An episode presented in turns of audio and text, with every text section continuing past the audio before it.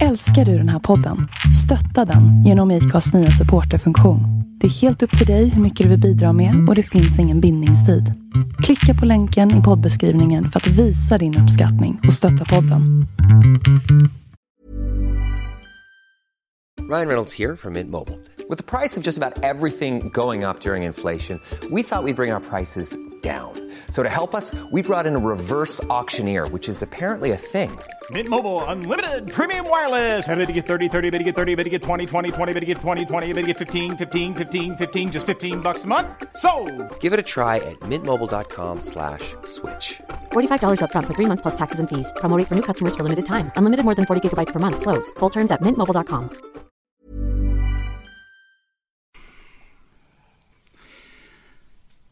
Jag vet inte riktigt hur jag ska... Ska jag börja? Nej, det blir bara fel. När du pratar. Vi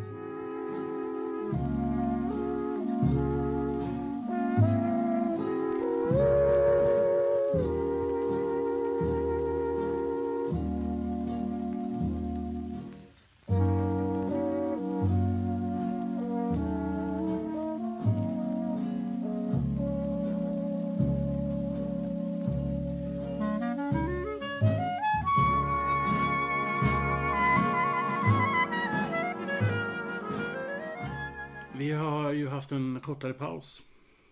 Helt eh, naturligt eftersom det var i semestrar och det ena med det tredje. Sommarlov och vackert väder. Ja, alldeles varmt. För min finska själ. Nu ska du inte gnälla över det, men fortsätt. Nej, det ska jag inte göra. Men däremot så har vi släppt en, eller jag eh, mest, släppt en massa andakter. Som vi hoppas har underhållit någon. Om man nu har känt en saknad av oss. Nej, jag tycker också det är en rätt underhållande tanke. Ja, ursäkta skrattar.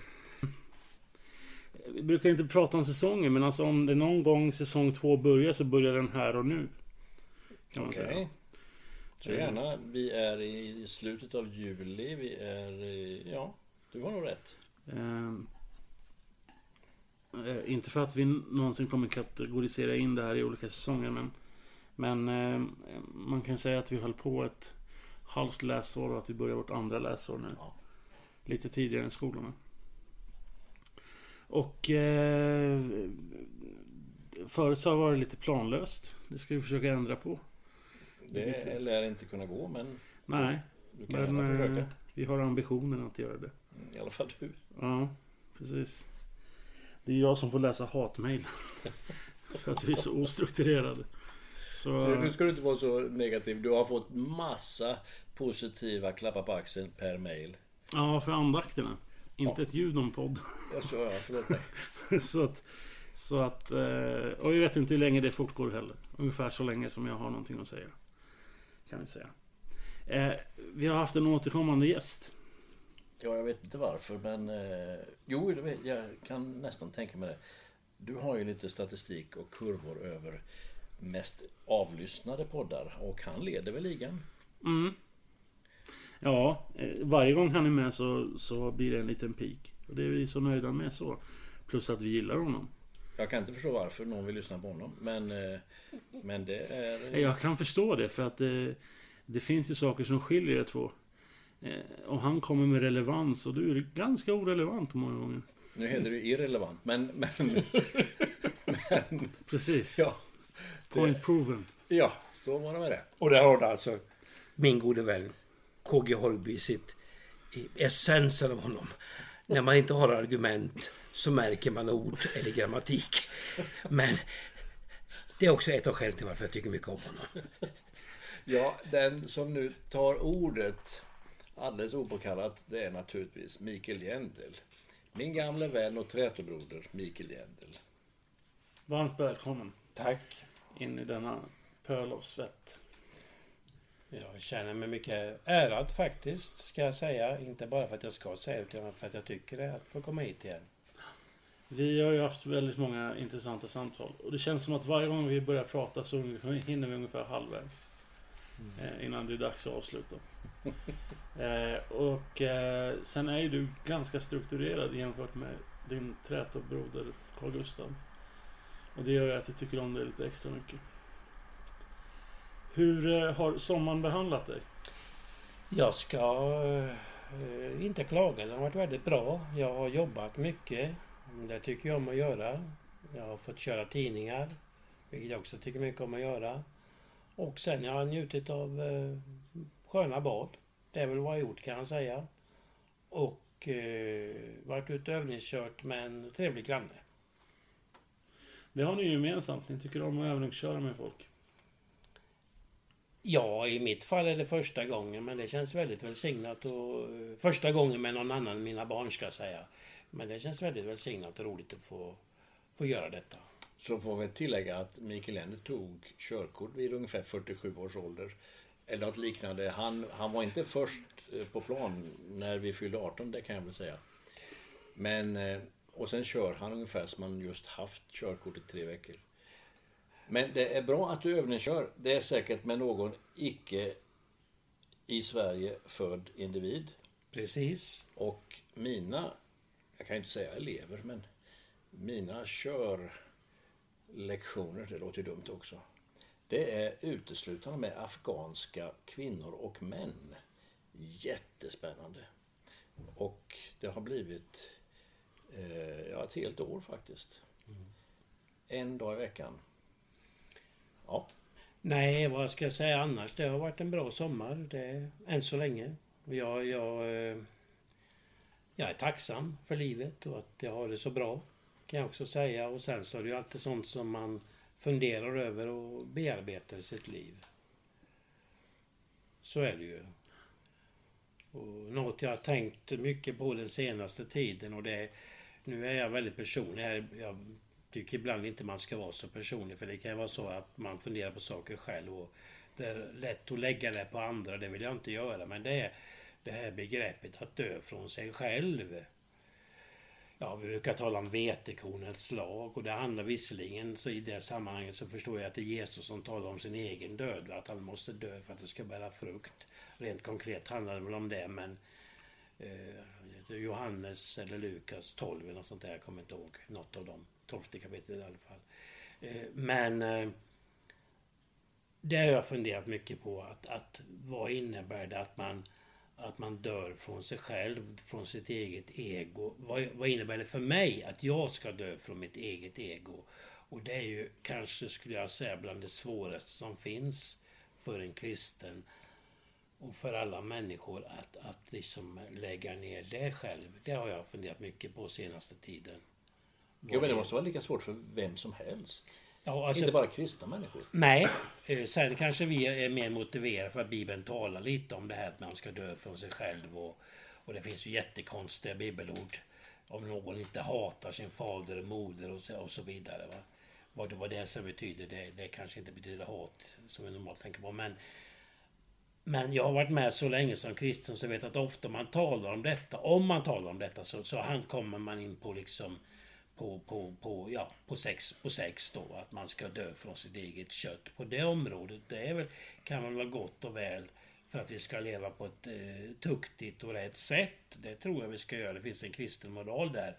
Men det finns så mycket mera skulle jag vilja säga. Och det handlar väl om att inte, som jag bearbetar, att inte alltid att inte alltid jag ska komma fram, att inte alltid jag ska få rätt. Att kunna hålla tyst när någon säger någonting som stöter mig och så vidare. Att inte vara så... Det här är jättejobbigt och jättesvårt.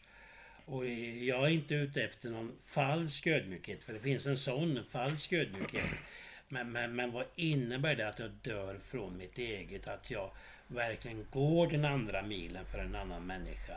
Om jag nu ska göra det. Mm. Det är inga lätta saker. Det, det är kanske lätt att tala om, men jag upplever att det är väldigt svårt. För mig i varje fall. Kanske inte för andra. Men för mig i praktiken. Vad, vad, vad innebär det att lägga ner sin egen vilja, sin egen stolthet? Det tycker jag... Jo, men du, du svartmålar dig själv i vanlig ordning för mycket här. Eh, du har varit facklig ordförande i allt du har företagit dig och förhandlat med lokala och distrikts och regionala eh, förhandlingar med viss framgång. Och med stort intresse för att du är av den ullen. Ja, ja det är sant. Det är sant. Det vill säga, du går den extra milen fast det här blir per facklig verksamhet. Jo, men då, då kommer frågan där. Visst är det helt sant och jag var med en gång på en... Jag var ordförande i en verkstadsklubb och jag skrev ett avtal som, som var sanslöst bra. Ja, på olika sätt. Jag ska inte gå in på det men, men, men, men det var det. Eller jag fick skriva det. Eh, var med och skriva det. Men, men återigen, det, då kanske också lite grann det här att eh, Mikael Jendel vill synas som den duktiga fackklubbsordföranden. Och det är där köttet kommer in kanske. Ja, ja, ja. Att jag, jag får ett värde i detta. Jag får ett rykte. Jag får ett eh, track record i att vara en duktig fackföreningsledare. Och det, det, har jag varit. De gånger jag fått fackuppdrag har jag skött dem bra. Där har jag gott samvete. Men det är lite djupare där. Hur, hur mycket ska jag själv? Alltså det, vi ska ju berömma varandra och alla människor behöver få uppmuntran.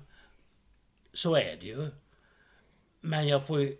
Alltså, ska jag ha mitt värde i detta? Det är det jag är ute efter.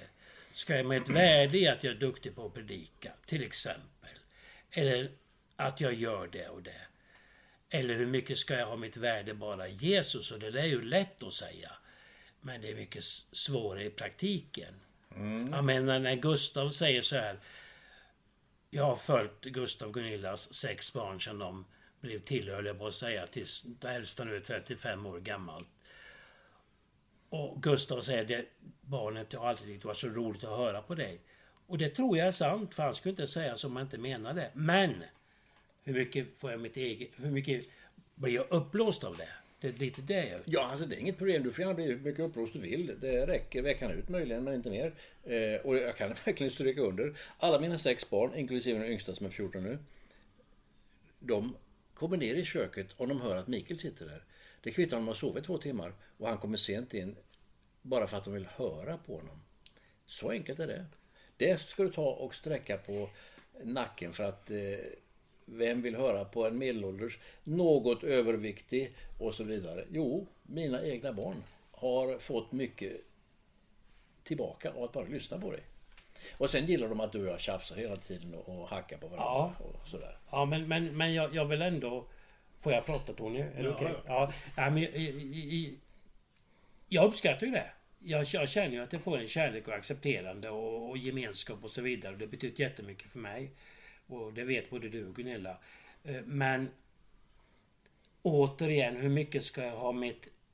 mitt alltså det är något jag brottas med själv nu. Hur mycket ska mitt värde i att vara den och den och den och den i andra människors ögon. Sen så är det viktigt, tänker jag, att ibland utrannsaka sig själv och se hur uppfattar den personen mig? Inte för att jag ska leva människofruktan men för att man kanske ska utrannsaka sig själv. Hur är jag när jag kommer in i detta sammanhanget? Eh, hur beter jag mig där? Eh, är jag lyssnande? Är jag respektfull? Eh, och det kan ju gå till överdrift men det kan också gå till underdrift. Det, men, men har jag mitt värde i massa yttre saker och ting? Alltså det, jag, jag, jag bara funderar över det. Jag kanske har fel, jag kanske har helt fel.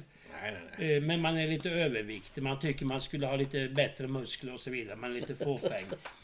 Ja, inte du Gustav, men du. Sluta det är få som är så handsome som du ja, är. Ja, ja, nu, nu får jag bara lägga som en liten extra eh, krydda här i vår diskussion att vi just har varit, vi tre, mycket överviktiga och inte fullt så flinka individer i vår bästa ålder. Eh, uppe på ett relativt högt berg, svårt att forcera, svårt att bära med sig en tung fikakorg. Allt det här har vi gjort innan vi kom hit för att börja denna podd. Så eh, att vi ser ut som vi gör och att vi är som vi är, det är bara en del utav livet och av livets säsong.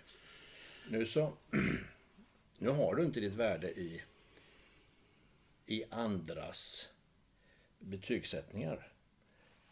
Inte alls. Du har ju ditt värde i dels att du tillhör Gud i himlen, naturligtvis. Dels, höll jag på att säga. Det är ju huvudsakligen det.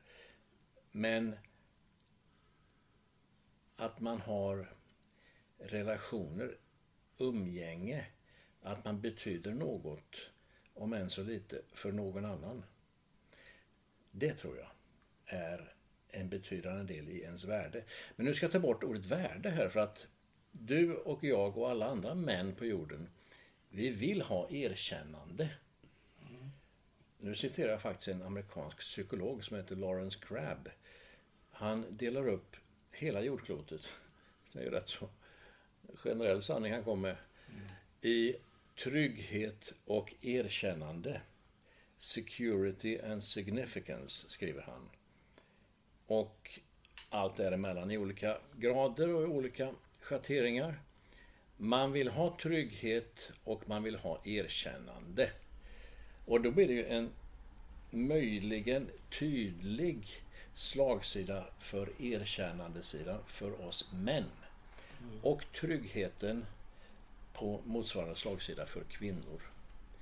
Eh, jag tror han har rätt även om det är alltså en så pass generell sanning så att han tar hela jordklotet i sin teori här. Och sen så vill, du vill ju inte höra att du är vackrast i världen, men en kvinna skulle gärna vilja ha bekräftelsen av att höra att åh vilken fin blus. Ja, Eller visst. den där klänningen. Och så vidare. Då får du bekräftelse och det är ju inte, det är inte trygghet, men det är ett sätt att lyfta kvinnor, flickor, Jag tror att du har en alldeles för förlegad kvinnosyn där när du säger sådär. Jag tror att eh, dagens moderna kvinnor hellre vill höra saker om, om eh, det de har presterat istället för det de ser ut som. Ja, det vill de säkert också. Ja, men jag tror det går före att eh, de har fina kläder. För det är ingen prestation. Ja, ja, jag säger inte att det ena är väsentligare än andra eller att det ena skulle vara viktigare för, återigen, jordens alla kvinnor. Men eh, Nej, men det räcker att man går till de kvinnor som man har i sin omgivning. Ja. I sin, om man ja, har sin mamma eller har sin syster eller Ja. vad man nu kan tänka sig. Eh, skulle jag berömma min syster för att hon har en snygg tröja så skulle hon nog klappa till mig. du, när jag Men- berömmer dina döttrar för att oh, det var en fin eh, tröja eller det var en fin klänning. Då ser jag på dem att det är trevligt att höra. Så Ja, pass. men skulle du säga att de har eh, gjort fina flätor så skulle det betyda mer. För det betyder att de Ja, har gjort, ja. skapat någonting själva. Du har Ja, skapat någonting tanke. fast i samma kvarter. Mm. I bekräftelsekvarteret. Jo, jo, men det, det är klart att allt eh, handlar ju om bekräftelse. Mycket. Även, även, även, alltså, även för dig. Ja, men det är vad jag gör i så fall. Ja, ja, men det, och, det stämmer. Och, och, och det är det jag försöker komma åt. Att, att, eh, att förr så kanske det fanns en... Nu pratar jag om kvinnor som kanske skulle kunna vara i era mödrars ålder. ja. Att, eh, att där finns eh, det är någonting att vinna på att, att eh, ge beröm för en, ett klädesplagg eller vad Ja, ja, ja. Men att i era potentiella fruars ålder så tror jag att, att berömma karriären eller berömma mm, Det de att de har gjort ett bra jobb med sina barn Ja, eller ja. att det slår mycket högre än, än eh, just det här med kläderna och utseende och sådär. Ja. Och kanske också för att vi befinner oss i en sån tid där det är lite tabu att, eh, att säga åt en tjej att hon är snygg. För då kanske jag bara ser henne för vad hon, hur hon ser ut och inte vem hon är. Det är lite metoo-varning på det menar du? Ja, jo, men så det, det tror jag. Och det är inte uteslutande negativt. Även fast jag tycker att det är konstigt att man inte kan få kommentera det uppenbara. på. Ja, ja. Eh, Men just det där som Mikael tar upp har jag tänkt på jättemycket den här veckan. Och förra veckan. Eftersom det är måndag idag. Eh, och, och, och det är när jag fått så mycket beröm för de här andakterna. Jag, eh, då skrev jag en andakt om att det, inte, det här är inte mina ord, utan det här har jag fått till mig. Mm. Där i, i mina samtal med Jesus har jag fått till mig det, att jag ska förmedla det här. Det är min uppgift. Mm. Och då blir jag nästan förbannad när folk tror att det är jag som sitter och... Eh, jag, är bara, jag är bara en möjliggörare liksom. Jag förmedlar någonting. Eh, och sen är jag någonting bra själv, att jag gör god mat i kyrkan. Det tar jag mer än gärna beröm för. Men det andra blir så här, jag vet inte om det har någonting med mitt finska ursprung att göra, men har väldigt svårt för att ta Beröm. Ja, överlag. Men, eh, men just i, i det här fallet så vart det en frustration att ni missar poängen här. Ja, ja. Ja, ja, ja. Ja, ja, ja. Intressant det du säger där. Jag, eh, jag skulle ändå vilja knyta an till det här därför att det är klart, vi vill alla, alla människor vill ju vara lyckade. Eh, Och vi är ju sociala varelser som behöver ha gemenskap och ingen vill vara utanför gemenskapen. Barn vill ha samma kläder som kompisarna i skolan för annars känner de sig utanför. Eh, By the way, så är det därför vi skulle ha skoluniformer i Sverige, men det är en annan sak. Det vore ju en självklarhet. Jo, ja, För ett, som för ett är upplyst land. Men det är en annan sak. och republikanska föreningar och allt det där. Eh, Men, men, men, men samtidigt så hur mycket vågar vi då visa upp våra svaga sidor? Våra luckor som vi ser och är medvetna om eller kanske inte ser. Eh, det är väl dit det kommer. Varför söker vi människor hjälp så sent? Kanske inte om vi misstänker att vi drabbas av cancer eller något annat. Men om vi har problem med vårt äktenskap, om vi har problem med våra barn, om vi har alkoholproblem eller ekonomiska problem. Eh, jag roade mig för en tid sedan och tittade igenom en del klipp på Youtube från Lyxfällan. Vilket ju är ett fascinerande program. Den enda tanken, jag vill på något sätt inte alls moralisera. Jag bara tänker varför har människor gått så oerhört länge? Vad är det som har gjort att människor som ändå verkar vara intelligenta och fungerande på andra områden går så oerhört länge med sådana gigantiska problem. Och det är absolut inget mot någon som har varit med där. Det är hedervärt att ställa upp och visa upp situation, tycker jag. Men vad är det där som är problemet? Och då för mig som kristen då som vill tro att Gud älskar mig precis som jag är. Så mycket att han till och med offrar sin egen son för min skull. Vad är det då som gör att jag så gärna vill upprätthålla, alltså vill jag gärna upprätthålla fasader? Sen tycker inte jag att man ska dela sina problem hur som helst, för det, det kan bli någon form av mm, socialpornografiskt liksom. Det kan vara sjukt åt andra hållet att se på mig vilken stackare jag är. Det kan liksom, men, men varför går man så länge? Jag läste en intervju med någon som jobbar med äktenskapsrådgivning i en kommun. Och vederbörande sa att, observera att jag inte använder ordet hen här utan jag använder ordet vederbörande. Eh, att att eh, människor kommer alldeles för sent. För hade de kommit tidigare, många äktenskap och relationer gått att rädda. Vad är det då för stolthet som gör att när vi har problem att vi inte söker hjälp? Och vad är det, vad, vad har jag, jag talade en annan gång i den här podden om livslögner. Och, och, och det här, det här tänk, alltså jag, jag, jag tror verkligen att, att vi vill så gärna ha en fin fasad. Vi vill så gärna att det ska se bra ut fast det kanske är jättedåligt. Jag har en god vän, en broder från Österrike, en broder i Herren från Österrike. Och han, han sa till mig en gång, jag fick en tankeställare där. Jag frågade hur, hur är det, sa jag. Och då tittade han på mig så sa han så här, han är väldigt rak den här mannen. Menar du det du sa nu, sa han. Menar du det du sa? Undrar du verkligen hur det är med mig? Ja, jag vet inte, så jag. Nej, det ser du, sa han. Om jag säger att det är jättedåligt nu och jag mår jättedåligt och allt är skit och så vidare och så vidare. Hur reagerar du då? Och, det, det tyckte jag var tänkvärt. Ja, men det är ju bara ett sätt att inleda kallprat, konversation, livsviktiga... I det här fallet från min sida, ja, naturligtvis. Ja, alltså i hela världen. Ehm, Det finns alltid någon, någon initialfråga. Hur står det till? Men eh, det där är ju en amerikaniserad eh, pryl som vi har adopterat ofrivilligt från USA. Där, man, där det är en hälsningsfras och Ja. säga What's up, how are you och sådär.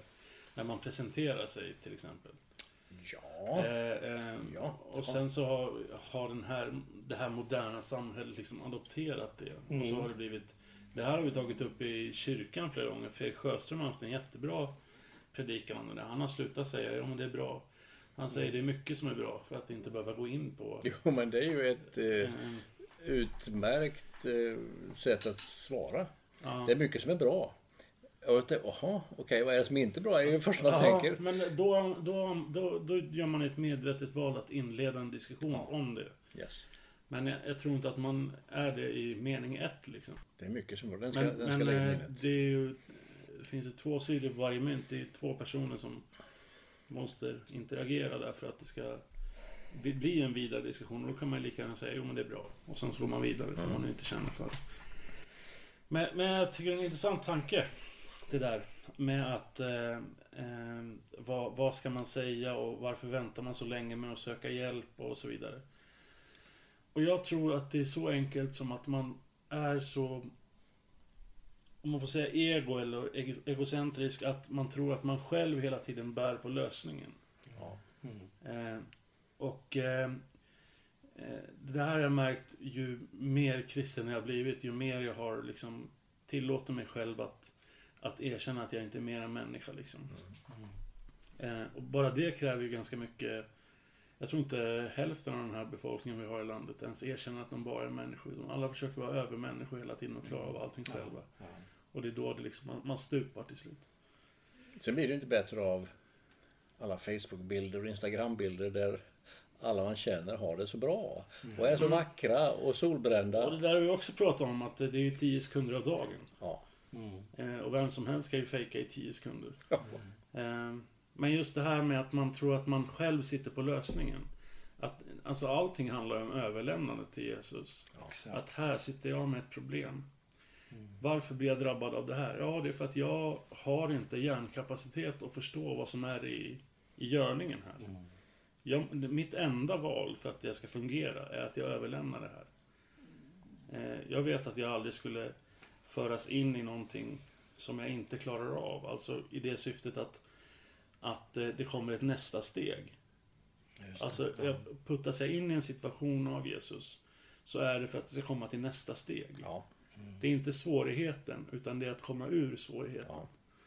Och, ehm, och det där, det, det handlar ju liksom, och det pratar man ju mycket om i NO och AA också, liksom att, att förstå att eh, skillnaden mellan eh, begär och behov. Alltså jag, jag behöver få någonting av dig. Men jag kan aldrig begära att du ska ge mig det. Och det är ju samma sak med, med alkohol, med narkotika, sexspel och vilket missbruk vi än pratar om. Att lära sig skillnad på, på behovet. Behöver jag det här? Nej, då kan jag säga nej. Jag måste ha det här. Då, då har man passerat gränsen för, Just det. Och då blir det begär. ja, och då är du fast. Ja. Och det, det, det är ju egentligen definitionen av ett missbruk.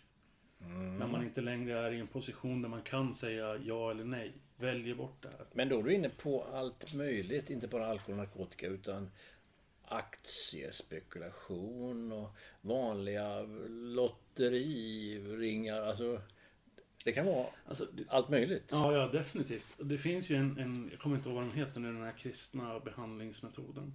Den liknar tolvstegsprogrammet men eh, heter någonting annat. Vi har några i församlingen som är utbildade i det. Ja. Och där säger man ju att eh, missbruk är när du inte kan säga nej, alltså att du inte kan släppa det just här och nu. Ja, just det. Då är det ett missbruk. Okej.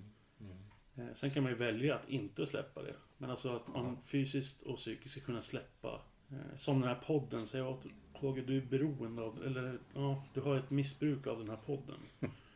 Du måste släppa det nu och då kan inte du resa dig och gå då. Och släppa det. Så då är, då är det liksom någonting ohälsosamt. Var det min stickreplik till att åka hem numera?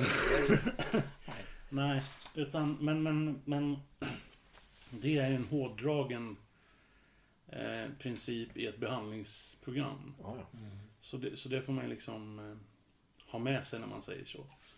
Eh, det finns ju, eh, ja, vi kan inte sluta med mat till exempel. Så det är ju- ett begär som vi människor har. Mm. Eh, och det är ju inte alls samma sak som att ha ett matmissbruk. Liksom. Nej, Så det finns ju alltid grader i helvetet. Mm. Jo, men det är så. Får jag knyta an lite till det jag tog upp här om att vilja synas och vilja vara något själv. Mm. Jag kan ju tycka att det också finns i den kristna kulturen. I väckelsekristen kultur, eller vad man ska uttrycka det som. Att man eh, ibland vill... Man vill så gärna vara någonting också där. Ja, ja, ja, man vill synas, man vill vara någonting och ibland har vi nästan, i synnerhet inom frikyrkan där jag har rört mig mest och kanske ännu mer i karismatiska delar, nästan lyft upp människor för mycket. En sak är att man erkänner att en människa har en gåva som Gud använder. Det kan ju vara en gåva i musik, alltså en sån gåva. Det kan vara en andlig gåva, vad som nu är andligt och vad som nu är icke-andligt. Men gåvor, va. Eh, men, men att vi då väldigt lätt eh, börjar lyfta upp den människan för mycket. Och, och det där är... Visst, vi ska uppmuntra. Det är viktigt. Men som du sa här om dina morgonandakter. Det är ju ytterst är det ju Gud vi vill förhärliga. Mm. Jag satt och läste upp en Barelsebok häromdagen där det står att, att de lägger ner sina kronor inför Gud och Lammet. De böjer sina knän och lägger ner sina kronor. Alltså de ger verkligen bara Gud och hans son Jesus äran. De ger verkligen bara Gud, Fadern och Sonen Jesus äran. Och det är ju lätt att säga att allt är till Guds ära. Eh, och så vidare. Va? Det här sker bara till Guds ära. Men ärligt talat finns det väldigt mycket av kanske effektsökeri också i kristna sammanhang. Och jag är personligen, nu är det ju en kulturell sak och det kan skilja från olika länder men personligen är jag väldigt skeptisk till massa ministries som byggs kring individer. Ja, ja. Som jag tror är jättefarliga därför att det finns så många exempel, inte alla, men många exempel på där man har lyft upp människor så mycket som har haft gåvor. Som har haft, varit duktiga evangelister eller på annat sätt. Men där det har slutat i, i ekonomiska skandaler, i, i sexualmoraliska skandaler, i maktmissbruk. Eller till och med att det har utvecklats mot en sekt. Mm. Men med allvarliga då, villfarelser. People's Temple, Jonestown är väl kanske ett av de värsta exemplen. Men, men det, jag vet, jag gick en period och hörde, han är pensionär nu, på, på en gammal chartuansk präst. Och, och jag, jag, tänkte det, han var ingen duktig talare. Han stod och snöt sig och snörvlade och harklade sig i predikstolen. Men han höll predikningar som var fantastiska tycker jag. De kunde ha hållits för på 300-talet eller 600-talet eller 900-talet eller 1200-talet och så vidare. De var tidlösa och de var eviga och de hade verkligen evangelium i centrum. Upplevde jag och jag har då ingen svenskkyrklig tradition att falla tillbaka på alls. Men detta var verkligen... Och han var ingenting. Han var verkligen ingenting. Det var verkligen en man som inte hade någon... Han såg inte bra ut heller karln. Får man säga. Men han hade ingenting. Men det, jag upplevde... Jag upplevde verkligen Jesus när han predikade. Det var innehåll och äkta. Ja, att Jesus kom fram, att Gud ja. För den karln var inte mycket till att förhärliga. Mm. Faktiskt. Och, och det har jag tänkt på lite grann. Att det där kan lätt smygas in i. Och det är underbart när någon får möta Gud och man blir jättetacksam när en kändis får möta Gud. Eller, eh, ja, det finns flera exempel och man tycker det är fantastiskt liksom att, att eh, kända personer möter Gud och kommer fram. Men det är väldigt viktigt att de får förbön så att de kan bevara ödmjukhet. Mm. Och att de inte lyfts upp. För då blir det återigen det här att, att jaget närs, köttet närs, det själska närs, tänker jag. Så tänker jag. Jag kanske har fel. Jag kanske är helt fel. Men, Nej, men, du, men, men så, så, tänker jag i alla fall. Alla de här ministries, det innebär ju då att nu är du inne på den anglosaxiska världen. Inte ja. minst i USA, för det finns ju ministries till allt möjligt. Ja, ja. Eh, som då blir eh, kyrkor eller nätverk eller organisationer som gör ett och annat och mycket bra. Men sen kan det bli lite personcentrerat. Lite. Väl ja. bara förnamnet vissa sammanhang. Ja, men alltså här ska du få en personcentrerad eh, sanning på två sätt. Det var en, för länge sedan, en eh, amerikansk professor i teologi. Han åkte till Europa och det innebär med amerikanska mått mätt att man åker till Storbritannien. Mm. Och därefter till Paris och sen Heidelberg. Men det är Europa med deras mått mätt. Han åkte till Europa med sina elever, samtliga män, eh, unga pojkar naturligtvis på den tiden. Och eh, där visade han i England, i London, eh, John Wesleys mm. hus som då hade blivit museum. Mm. metodistgrundaren John Wesley och hans bror Charles Wesley. Och det var, det var ungefär som Blå tornet i Stockholm, eh, Strindbergs sista hem där. Allting är kvar.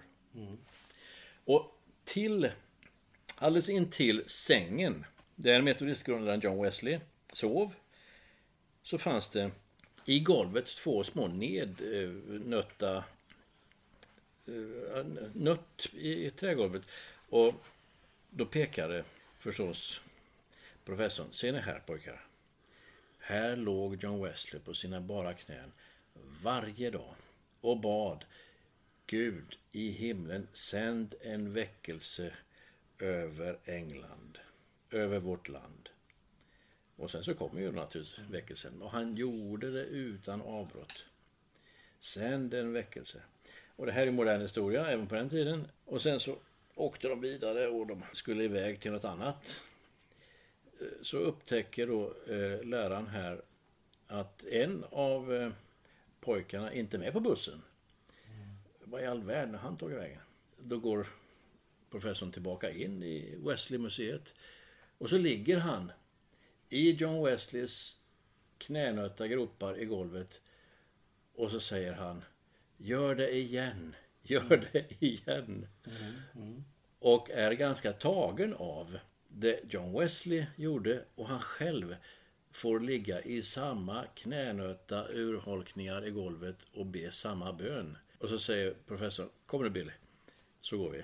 Och det är nämligen Billy Graham. Där har du två ministries som fungerade. Ja. Bill Graham är ju... Billy Graham är ganska... Vad ska vi säga? Man kan tycka vad man vill om honom. Man kan politiskt tycka vad man vill om honom. Du och han är politiskt sett inte varandra nästgårds. Det tror jag inte. Men han är ju död och han är hemma hos Gud. Men han fick göra mycket i hela världen, inte bara i Amerika. Absolut, absolut, absolut. Eh, och ungefär som Johannes döparen bereder marken. Ja, och det är inte det jag inte säger att det inte finns, har varit gudsmän och gudskvinnor i historien som har blivit mer framträdande. För så är det ju sen de flesta som har varit gudsmän och gudskvinnor, om man nu ska använda sånt begrepp överhuvudtaget. Ja. Det kan diskuteras. Det, det är väl kanske de här okända människorna som har legat på sina knän också.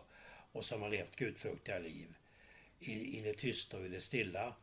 Eh, Så, så visst är det så. Och vi, det finns ju individer i historien, det är inte oväsentligt. Jag bara pekar på eh, vad jag tycker är ett problem av ibland lite avguderi faktiskt. Eller upplyftande och förhärligande av människor. Det kan jag tycka. Som Gud använder. Ibland, ibland inte.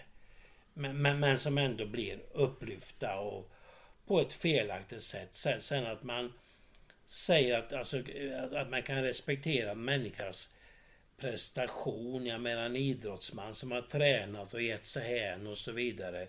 Paulus talar om idrottsmannen som kämpar och, och disciplineras. Och det, det är ju värt all respekt och, och all heder och, och, och så vidare. Men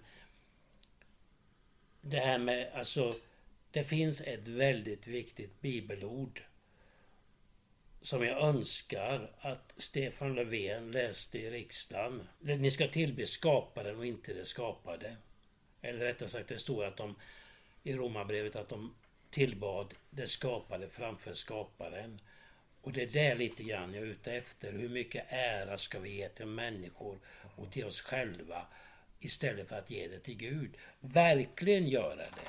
Verkligen inte söka min ära eller dens ära. Sen att jag det står att vi ska övertrumfa varandra i hedersbetygelser om de kommer från hjärtat.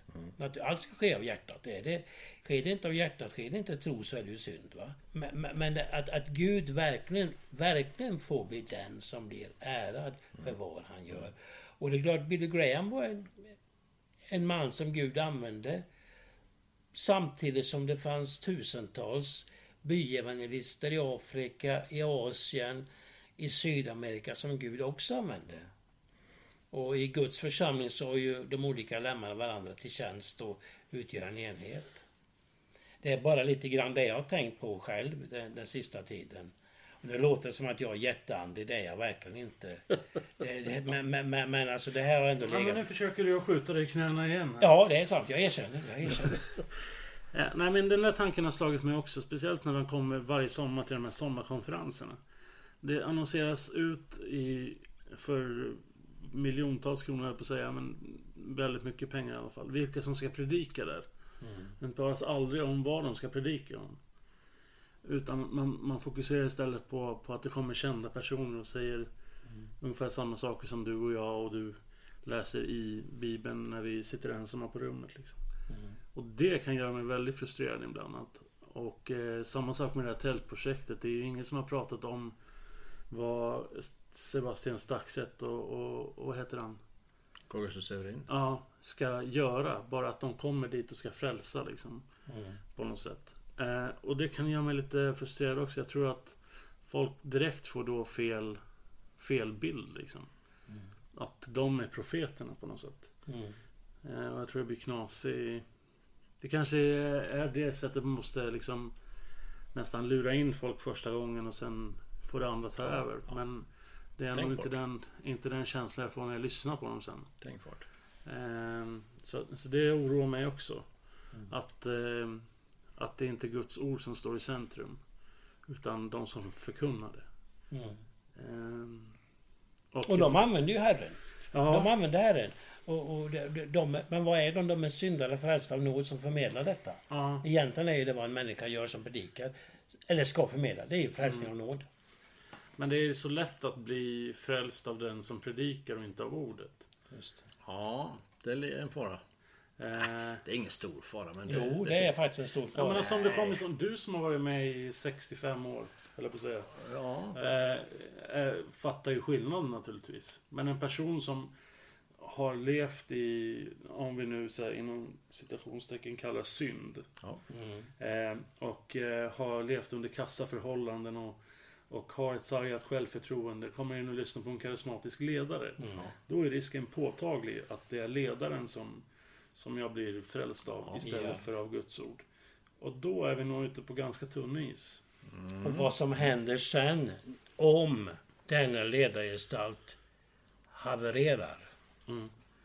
Då drar den ofta med sig väldigt många i fallet. Jo, det är ju och det är det konstigt. stora problemet. För då har man satt sin tillit till den individen istället för... Och jag tänker på det här jag läste, jag vet inte om jag citerat det tidigare. När jag ser på mig själv så blir jag förtvivlad. När jag ser på andra människor, både kristna och icke-kristna, så blir jag förvirrad. Men när jag ser på Jesus, då kan jag bli förvandlad. Och det- är egentligen bara Jesus som kan förvandla mig. Sen använder naturligtvis Jesus andra människor i mitt liv. Han kan använda icke-troende. Det har han gjort många gånger i mitt liv. Många gånger har Gud talat till mig genom icke-troende, arbetskamrater och andra, som har sagt saker och ting och sen har jag tänkt att ja, men det här var ju från Herren. Vilket han naturligtvis kan göra, självklart. Mm. Du stod och viftade. Ja, jag måste ju avsluta. Jag kan inte bara klippa av. Nej, alltså eh, jag är lite tagen av Mikael Jentels andliga insikt. Jag är inte van vid den. Eh, det, det brukar mest vara modern politisk historia och, och hur arbetarrörelsen har blivit hunsad av och så där vidare. Men det är alltid du som startar de diskussionerna. Ja, det är ja. aldrig han som Nej, jag vill, jag vill gärna jag vill gärna att han går igång. att han ska Men, leva upp till men du, du avslutar eh, bra här Mikael, min vän. Och det gör du med utan mössan i hand. Utan det är sträck på dig. Sen tycker vi nog att det är dags att du flyttar tillbaka till Tranås så vi får göra en trio av den här podden. Det, det var ett bra sakargument. Jag ska ta det till mig. Eh, av eh, KG får du alltid floskler. Av mig får man sakargument. Precis. Jag tycker vi kan fastslå det. Så Ja. här. Ja, men av mig får man rättstavade floskler. Jag säger som eh, den gamle kommunisten Bengt E. alltid sa. Det här var ett relevant argument.